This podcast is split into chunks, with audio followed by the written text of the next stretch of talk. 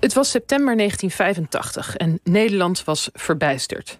Want de Macro, een gezellig groot warenhuis in Duivendrecht... was het doelwit van een aanslag geworden. Een aanslag zoals in Nederland nog niet eerder gepleegd was. En die werd opgeëist door de revolutionaire antiracistische actie. Kortweg RARA. De macro was volgens die groep mede verantwoordelijk voor de apartheid in Zuid-Afrika. En daarom moest het bedrijf in de fik.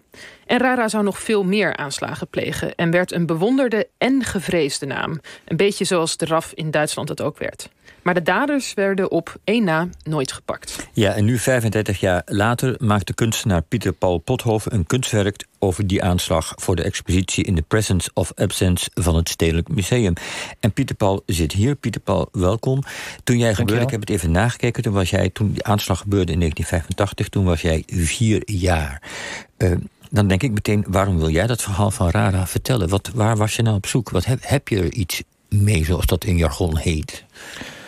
Um, ja, ik denk dat we daarvoor even een beetje terug in de tijd moeten. Um, mijn grootvader was een verzetstrijder in de Tweede Wereldoorlog. Hij hielp mee om uh, neergestorte geallieerde piloten weg te smokkelen uit bezet gebied. En uh, mijn grootvader en de oorlog hebben eigenlijk altijd, ja, zijn, altijd zijn nooit ver weg geweest in het gezin waarin ik opgroeide.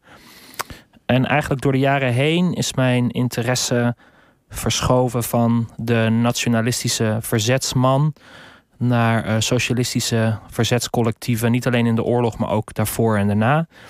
Ja, en op een goed moment kwam ik Rara tegen. En um, je moet goed begrijpen, dit is echt een proces van jaren. En uh, op een gegeven moment uh, ging ik daar dingen over bekijken en lezen. En ik bleef gewoon met heel veel vragen zitten. Bijvoorbeeld van, hoe was het om zo'n aanslag te plegen? Hoe, hoe, uh, hoe, uh, hoe kom je op zo'n moment? Um, wat is het effect van zo'n aanslag op een leven? En uh, hoe kijken deze mensen er nu op terug? En, de, en ik, vond die ik vond gewoon geen antwoorden op die vragen.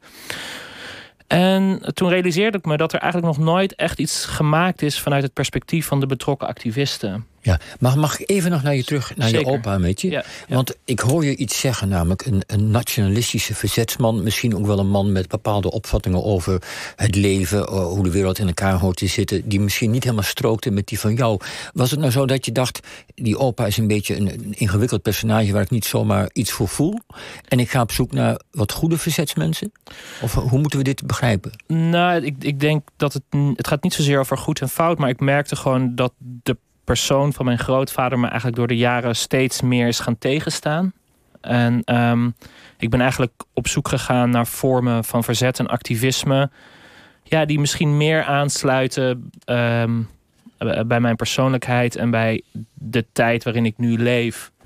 En zo ben ik, ja, en dat is gewoon een hele lange zoektocht geweest. En toen op een gegeven moment kwam ik Rara tegen. En ja daar, dat heeft me eigenlijk niet meer losgelaten. Ik deed dit was ongeveer in 2016. Ja. Nou, ik denk ja. inderdaad ook, het is een beetje, het lijkt, je hebt de mens en je hebt de verzetsman, de activist. Is dat ook een beetje wat je dus zoekt bij die rara mens? Van, van wat, is, wat is nou het, het karakter van die mensen, ze maar zeggen, en hoe, hoe komt dat overeen met die overtuigingen?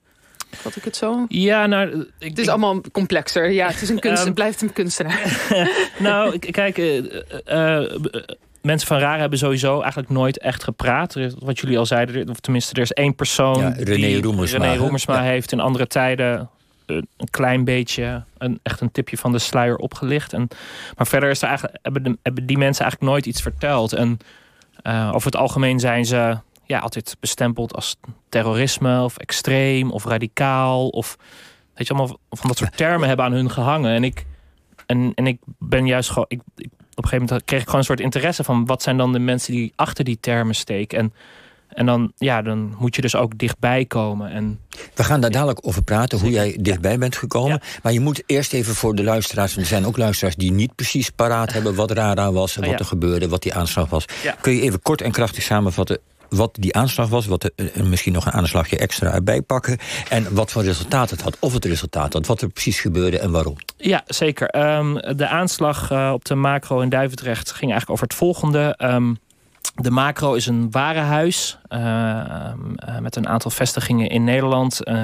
Is een dochteronderneming van de familie Ventener van Vlissingen. En de Ventener van Vlissingen is handen, in handen van... Of sorry, ik zeg het verkeerd. Pardon. Uh, de Macro is een dochteronderneming van de SHV. En de SHV uh, is eigendom van de familie Ventener van Vlissingen, een steenrijke Nederlandse familie. En wat jullie net al zeiden, de macro zo'n gezellig winkel. maar de macro was eigenlijk helemaal niet zo gezellig, want zij hadden namelijk ook vestigingen in Zuid-Afrika. En daar werden zwarte werknemers minder betaald dan witte werknemers voor dezelfde arbeid. Zwart en wit hadden gescheiden faciliteiten. En dit vond plaats in een tijd dat er eigenlijk al een internationale boycott was uh, van, van bedrijven of van Zuid-Afrika. En de macro, ja, die ging eigenlijk uh, willens en wetens door met het bedrijven van handel onder het mom van we moeten de handelskanalen open houden, want dan kunnen we achter de schermen invloed uitoefenen. Maar goed. En, um, en dat was ook al veelvuldig in de media geweest. En in 1985 dacht een groep activisten van... ja, wij gaan hier een einde aan maken. En uh, die besloot om een campagne te starten tegen de macro en um, een serie aanslagen uit te voeren. Ja, en dat zijn niet zomaar aanslagen, ze steken de hele boel in de fik. Ja, er branden vier, uh, minstens vier filialen van de macro in die jaren ja, af. Hebben, en ik, ik pak het even over, oh, voor, sorry, niet, niet om jou in, in nee, de reden te vallen... maar gewoon omdat we vooral willen voorkomen... dat we geen tijd meer hebben om te praten over jouw zoektocht... en wie je tegenkwam.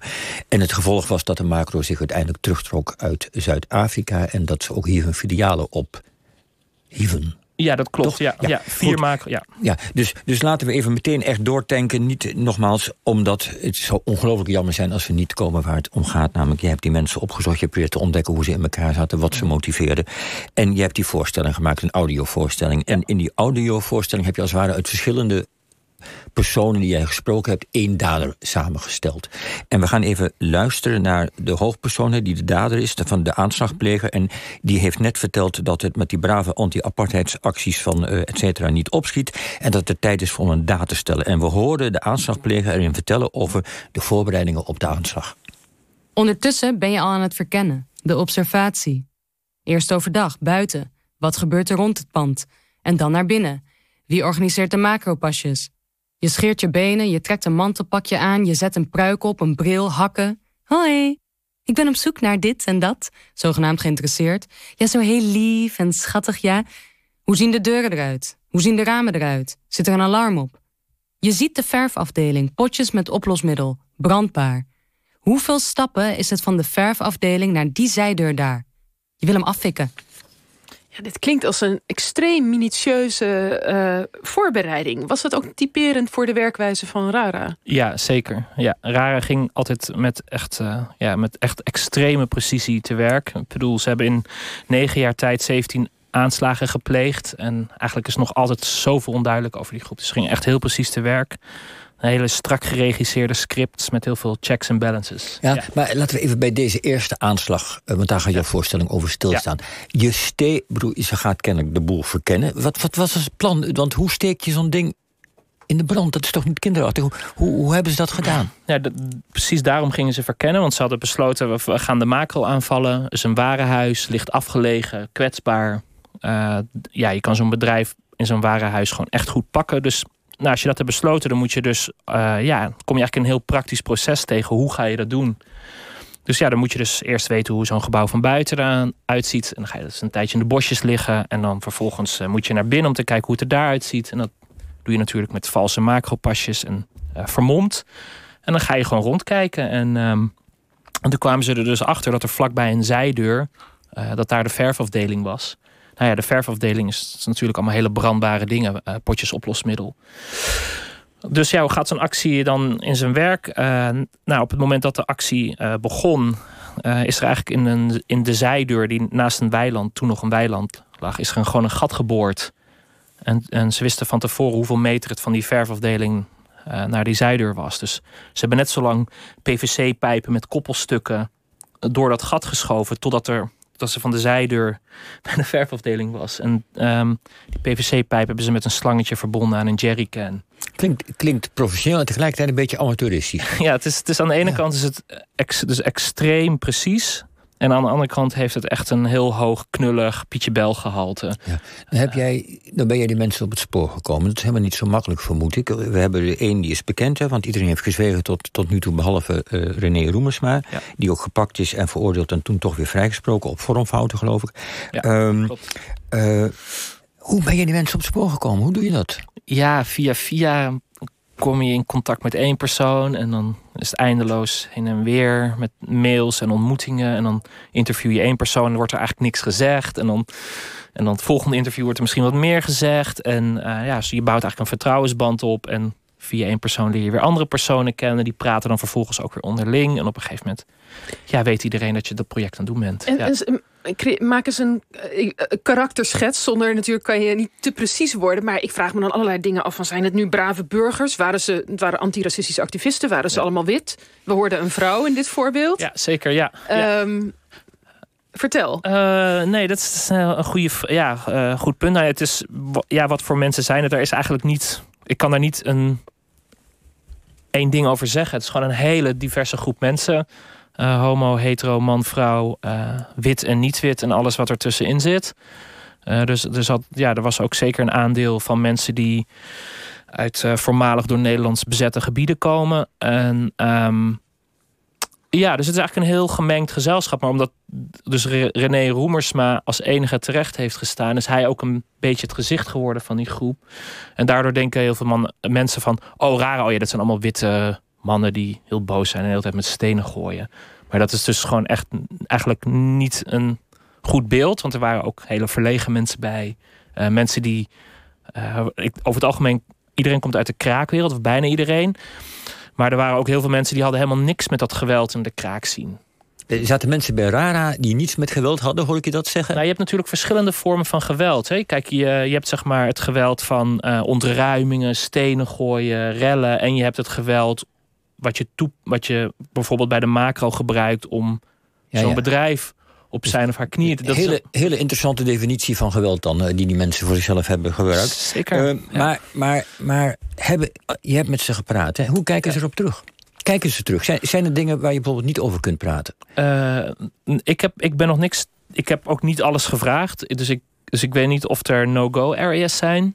Um, ja, hoe kijken die mensen terug op die, op die tijd? Ik, dat verschilt per persoon en per actie. En wat, wat mijn ervaring is, is dat eigenlijk uh, iedereen die ik heb gesproken unaniem, unaniem het erover eens is, is dat eigenlijk de macro-campagne heel succesvol was. Maar Daar kijken mensen ook wel met enige trots. Maar heb jij bijvoorbeeld trots, hè? want dat proef je ook bij René Roemersma. Als je hem terugziet in andere tijden, die is nog steeds heel erg trots. Heb jij bijvoorbeeld de vraag gesteld, daar ben ik wel benieuwd naar, van uh, de aanslag op Aad Koster. Dat was staatssecretaris die vluchtelingenwerk in zijn portefeuille had, ergens in de jaren tachtig.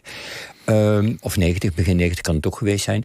Uh, daar is een aanslag op zijn huis gepleegd. Daar hadden gewoon zomaar doden bij kunnen vallen. Heb je hun die vraag gesteld van, hoe kijken jullie daarop terug?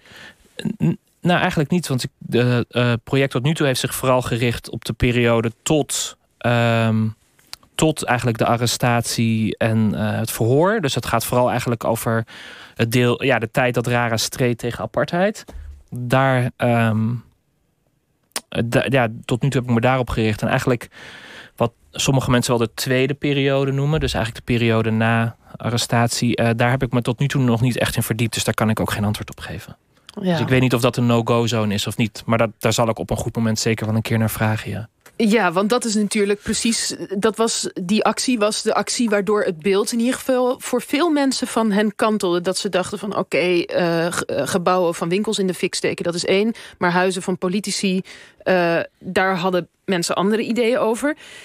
Er zijn we hebben dus naar die documentaire, er is een goede documentaire van andere tijden over gemaakt. Um... Daar, daar, ja, oh, oké. Okay. Dat is wel nou grappig. Ja. Binnen, uh, nou ja, wat ik spreek, is dat voor mensen van raar helemaal niet te spreken zijn over die documentaire en hoe Kijk. dat is gegaan. Nee, dat is niet onbegrijpelijk natuurlijk. Ja, nou ja, daar, daar is, laten we zeggen, wat er interessant aan is, is je hoort ook bijvoorbeeld een bekend linksactivist als Wijnand Duivendak, die zegt gewoon, als een vraag was het nou terrorisme of activisme?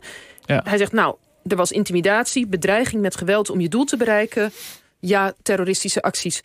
Hoe kijk jij daarnaar? Ja, het, het, is zo grappig. Ik heb natuurlijk over deze vraag nagedacht. En ik dacht van ja, ik kan natuurlijk ja of nee zeggen. En dan kunnen we hier bijvoorbeeld tien minuten gaan praten of dat nou wel of niet zo is. Jullie quoten een paar mensen, ik quote een paar mensen. En over tien minuten dan zijn we ja, hoe ver, wat zijn we dan eigenlijk opgeschoten? Nou, vertel, wat heb je bedoeld? Nou, ik, ik, mijn vraag is van, wat is, het, wat is het nut of belang van het al dan niet van zo'n groep als terroristisch wegzetten of niet? Ik heb, ja, ik, ik, ik, die vraag die stel ik me altijd af. Van, nou, eh, want, sorry, mag ik even? Ja, sorry. Ik ben nog niet, sorry, nee, ik ben nog niet klaar. Ik, ja. Kijk, ik, ik ben, ik bedoel, uh, de macro is 35 jaar geleden. En ik heb zoiets van, wordt het niet eens tijd dat ja, om, eens naar de, om eens te luisteren naar wat deze mensen er eigenlijk over te zeggen hebben. En ik heb eigenlijk het gevoel dat zodra je hun bijvoorbeeld terrorist noemt, daarmee zeg je dus eigenlijk al automatisch: ik ben geen terrorist. En dan creëer je dus eigenlijk een afstand. En ik als onderzoeker, ik wil gewoon juist graag heel dichtbij komen. En ik heb gewoon vragen als van hoe ziet deze geschiedenis eruit als ik eens kijk vanuit het perspectief van de betrokken activisten. Uh, weet je, hoe kan ik dit verhaal vertellen als ik on in de huid van een activist uh, kruip? En ik denk dat je dan uiteindelijk tot veel interessantere beelden en antwoorden zal komen dan die eindeloze discussie of het al wel of geen terrorisme is. Ik bedoel, die, die, eh, echt, dat, die macro stonden niet in de fik en de discussie was al gaande van, oh, is het terrorisme of niet? En, ja. en ik, ja, ik vind dat persoonlijk niet, niet, niet zo interessant eigenlijk. Maar is het dan bijvoorbeeld wel interessant om, om voor jezelf te kijken, als je naar het actiewezen nu denkt, het uh, antiracisme actie, is, is er uit de macro bijvoorbeeld, uh, uit de RARA iets te leren van waar je die grens tussen verzet en geweld is dat een grens die je in de gaten moet houden? Hoe gaat men daarmee om? Wat, wat maakt het dat mensen die grens overgaan? Is uit RARA wat dat betreft... Als jij in de huid van die mensen kruipt, zeg je iets, iets te leren voor, voor nu. Dat je zegt, ja, kunnen we het ook voorkomen dat je die grens overgaat? Of kijk, hoe kijk je daar dan naar? Nou, kijk, mijn taak is om, dit, om te zorgen dat uh, deze geschiedenis uh, gedocumenteerd wordt en naverteld wordt. En wat actief, welke lessen activisten daar vandaag de dag uittrekken, dat is aan hun. En ik nodig ook iedereen uit om naar het stedelijk te komen en zijn, haar of hun eigen conclusies uit dit verhaal te trekken. Maar wat ik denk ik gewoon, wat denk ik gewoon voor mij heel erg belangrijk is, is um, uh, van dit verhaal van Rare en de macro, is dat er dus op een gegeven moment een groep mensen gewoon een bedrijf dat willens en wetens doorging met het profiteren van onderdrukking, uitbuiting en racisme. Dat groep activisten zo'n bedrijf heeft aangepakt en eigenlijk zo heel succesvol, uh, omdat de verzekering wilde de schade niet dekken. En, op, en de staat heeft gezegd, wij, wij staan niet garant. Dus die activisten die hebben eigenlijk heel succesvol uh, bedrijfsleven en staat uit elkaar gedreven. Die van oudsher eigenlijk altijd twee handen op één buik zijn.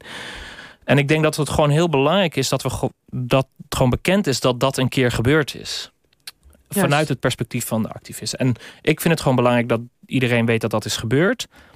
En uh, dat, dat, dat die geschiedenis goed gedocumenteerd is. En welke conclusies daar verder uitgetrokken moet worden, dat is niet aan mij. Oké, dus je zegt het is belangrijk dat we weten wat er precies gebeurt. Dus ook vanuit het perspectief van de daders. Omdat het eh, ons misschien ook iets leert over dat wat van vragen er aan de samenleving en aan de vanzelfsprekendheden mogen. Nou, ik denk dat je er een stuk meer van kan leren door, dan kan, door dat je zeg maar het een duw geeft en zegt terrorisme. Nou, en dat is een feit, want niemand anders heeft die mensen heeft zo dichtbij die mensen kunnen komen als jij tot nu toe. Dus uh, alleen daarom al fascinerend om uh, met jou dit gesprek aan te gaan en ook om naar die audiovoorstelling te ja, gaan luisteren. Thanks. En dat kan dus in het Stedelijk Museum in Amsterdam tot en met 31 januari. Dank je